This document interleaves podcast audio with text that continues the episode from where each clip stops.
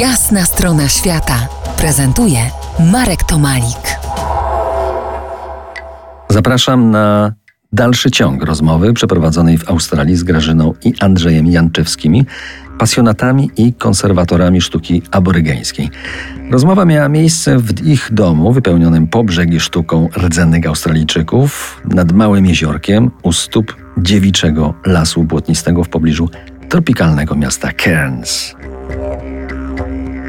Mieszkamy nad e, dziurą z wodą, jak nazywamy, nad Billabongiem. Nasza ziemia dotyka dziewiczego lasu bagnistego i przypomniało mi to mieszkanie na dotecze. Tam skąd Andrzej pochodzi, w- z Łabiszyna. Bagna. Za każdym razem, jak, jak jest y, y, pora, y, pora deszczowa i jest dość wilgotno, to w mieszkaniu czuje się tę wilgoć. I Andrzej mówi, zupełnie czuję się, jakbym był u siebie w domu w Łabiszynie. Jak uważacie, jak to jest?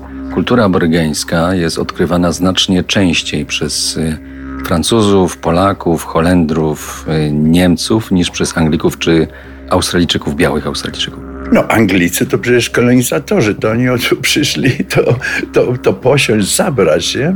Więc y, ludzie tacy właśnie jak emigranci, którzy y, tutaj dojeżdżali później, się in, in, interesować. Zresztą e, e, dużo misji tutaj było niemieckich, a wiadomo, Niemcy zawsze interesowali się bardzo e, kulturą, zaczę, zaczę, zaczęli spisywać i tak dalej i, po prostu tu anglosasi to po prostu nie doceniali e, tych ludzi, co tutaj po prostu mieszkali I, i przez takich właśnie jak Niemcy, Holendrzy, później Polacy i tak dalej, to za, zaczęło to wszystko być o, od, odkrywane i w ten sposób zostało spopularyzowane i, i w ten sposób e, Australijczycy na końcu nie mogą zignorować tego. Ale to jest takie typowe dla Australii, albo może dla, dla, dla, dla państwa, które jest takie, nie jest bardzo silne. Jest to typowe, że musisz zrobić sukces za granicą, wtedy wracasz do domu, jesteś już z tym sukcesem i wtedy wszyscy cię doceniają. Czyli aborygońska sztuka tak samo. Zrobiła sukces za granicą, w Ameryce przede wszystkim, potem w Europie. I nagle potem tutaj wszyscy się obudzili i wszyscy chcieli kupować y, i, i, i doceniać sztukę aborygeńską. Także to jest bardzo chyba takie normalne.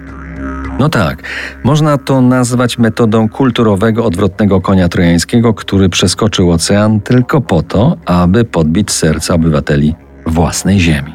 Za kilkanaście minut znajdziemy się na planie filmowym australijskiego reżysera, który od kilku dekad specjalizuje się w filmach o tematyce etnicznej.